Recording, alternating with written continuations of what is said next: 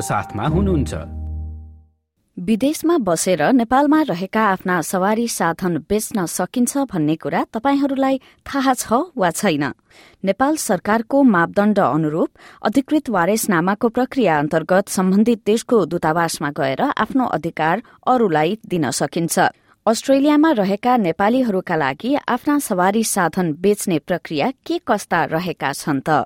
सुनौ सपना फुयालद्वारा तयार पारिएको यो रिपोर्टमा।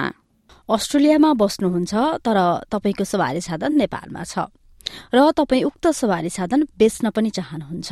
अस्ट्रेलियाबाट नेपालमा रहेको आफ्नो सवारी साधन कसरी बेच्ने भन्ने प्रक्रियाबारे तपाईँलाई थाहा छ कि छैन त? सिडनीकी विद्यार्थी लक्ष्मी बुढाथोकीलाई नेपालमा रहेको आफ्नो स्कुटर बेच्नु परेको थियो। तर आफूलाई यसको प्रक्रिया थाहा नहुँदा अलमल परेको बताउँछिन्। अस्ट्रेलियाबाट नै स्कुटर बेच्न खोज्दाको अनुभव उनले यसरी सुनाइन्। नेपालमा भएको बेच्नु पर्ने थियो। आफू यहाँ हुँदाखेरि हुँदाखेरि पनि अब नेपालबाट नेपालको साधनहरू यताउति। म त पहिला सोचेको थिएँ अब हुँदैन होला गाह्रो छ किनकि आफू नै हुनुपर्छ नि त। नामसारी गर्ने बेलामा नेपालमा त। अनि अब अब आफू यहाँ छु अनि हुँदैन जस्तो लागेको थियो। अनि यताउति बुझ्दाखेरि चाहिँ अनि पछि चाहिँ थाहा भयो कि नेपालको साधन पनि यहाँबाट पनि गर्नलाई हुन्छ सजिलो हुन्छ गर्न मिल्छ भन्नुभयो। तर त्यही हो प्रक्रियाहरू अलिक लामो हुन्छ डकुमेन्टहरू यताउति अब खर्चहरू यताउति हुन्छ भनेर अनि अहिले चाहिँ गए छैन। मेलबर्नमा रहेकी स्नेहा शर्मा यसबारे आफ्नो भनाई यसरी राख्छिन्।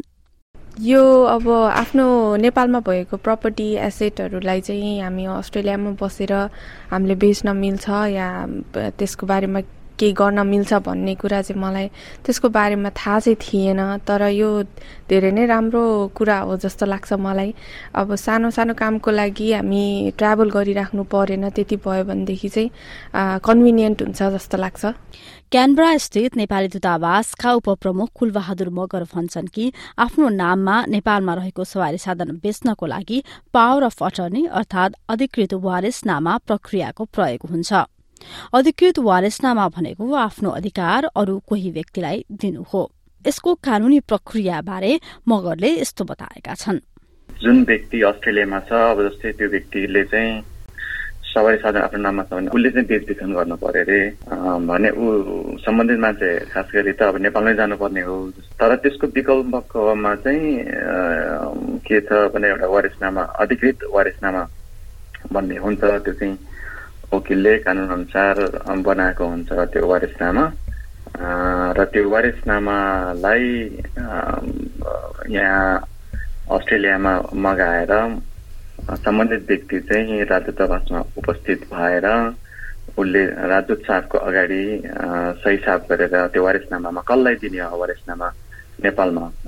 त्यो वारिसनामा चाहिँ सही साफ गरेर त्यो वारिसनामा नेपाल पठायो भने अब त्यो व्यक्तिले उसलाई जसलाई चाहिँ उसको बिआफमा मेरो सट्टामा चाहिँ म फल्ना फल्नालाई चाहिँ मेरो काम गर्नका लागि अधिकार दिन्छु भनेर उसको बिहाफमा अरू कसैलाई वारिसनामा दिएको हुन्छ। त्यो व्यक्तिले चाहिँ अनि नेपालमा उसको सट्टामा काम गर्न सक्ने भयो। सम्बन्धित व्यक्ति आफै जानुपर्ने भएन। नेपालको कानूनले तोकेको वारिसनामाको ढाँचाबारे सबैलाई थाहा नहुन सक्ने भएकाले यस प्रक्रियाको लागि वकिलको सहायता लिन उचित हुने उनले बताए। हो वारिसनामाको फर्मेटै हुन्छ। त्यो नेपालको कानूनले नै प्रिस्क्राइब गरेको एउटा फर्मेट हुन्छ। त्यो फर्मेट अब सबैलाई थाहा हुन सक्छ त्यो चाहिँ वकिलहरू यसमा अलिकति पोख्त हुन्छन्। त्यसैले वकिलहरूलाई नै कुनै एउटा वकिल नेपाली वकिललाई समात्यो भने उनीहरूलाई थाहा हुन्छ वारे अधिकृत वारसनामा भने के हो यो कसरी बनाइन्छ भनेर उनीहरूलाई थाहा हुन्छ बढी। त्यसैले त्यो कानुनले दिएको एउटा फर्मेटमै बनाउनु पर्ने हुन्छ। त्यो वकिललाई बढी थाहा हुन्छ त्यसैले उसलाई सम्पर्क गर्नुपर्ने हुन्छ। जस्तो कि यो चार पाङ्ग्रे सवारी साधन र दुई पाङ्ग्रे सवारी साधनमा एउटै नियम कानुन छ कि यसमा पनि केही फरक फरक छ? जनरली हाम्रो बुझाइ चाहिँ के हो भने एउटा नेपालतिर पनि यो चार पाङ्ग्रेलाई चाहिँ अधिकृत वारिसनामै चाहियो यो कानुनले तोकेको फर्मेटमै बनाउनु पर्ने भयो। अधिकृत वारिसनामा चार पाङ्ग्रेको हकमा चाहिँ तर दुई पाङ्ग्रेको हकमा चाहिँ अधिकृत वारिसनामा नै चाहिँदैन भन्ने छ। यो चाहिँ मन्जुरीनामा भयो हुने भयो।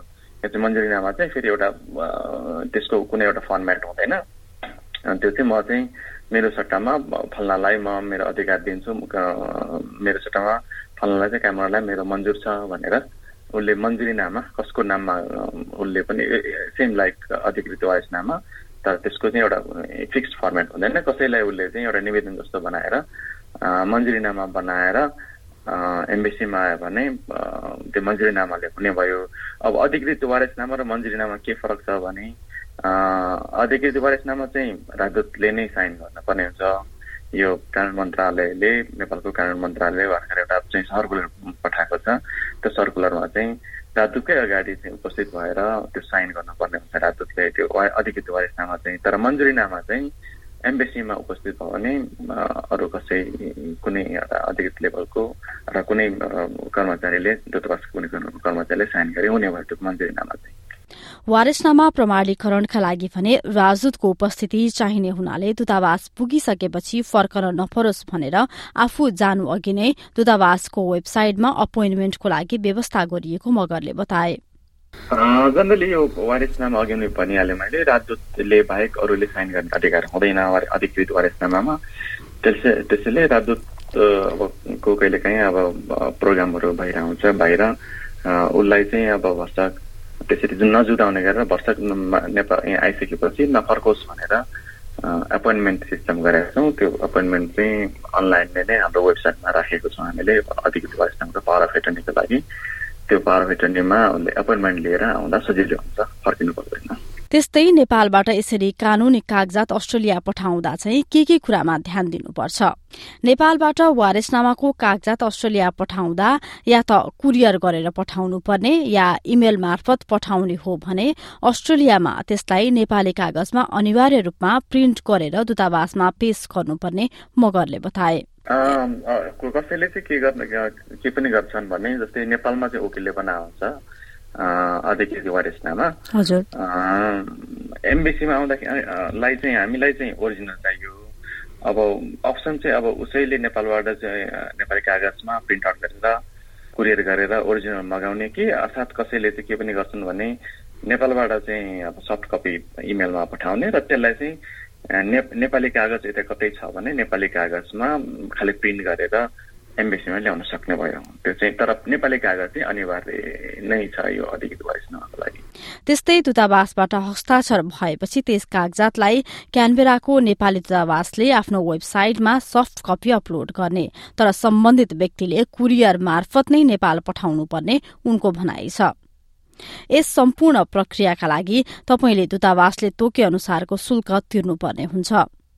यसरी कानूनी पाटो पूरा गरेर क्यानबेरा स्थित नेपाली दूतावासबाट तपाईँले नेपालमा रहेको आफ्नो नामको सवारी साधन बेच्नका लागि अरूलाई वारेसनामा गर्न सक्नुहुन्छ।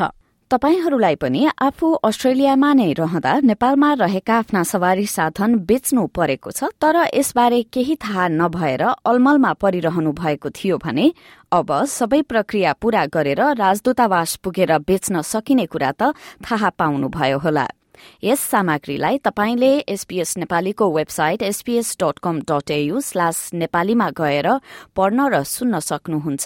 साथै यो सामग्री एसपीएस अडियो एप त्यसै गरेर फेसबुक र ट्विटरमा एट एसपीएस नेपालीमा पनि उपलब्ध रहेको छ। यो जस्तै अन्य प्रस्तुति सुन्न चाहनुहुन्छ? एप्पल पोडकास्ट गुगल पोडकास्ट स्पोटिफाईमा हामीलाई खोज्नुहोस् वा तपाईँले पोडकास्ट सुन्ने अन्य सेवामा।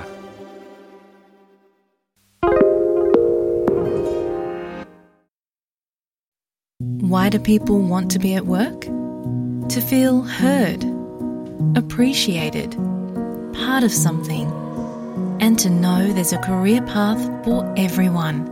Inclusive workplaces are linked to increased innovation, productivity, and employee satisfaction. Make your organisation a place where people want to be. For inclusion and diversity training, visit inclusion-program.com.au.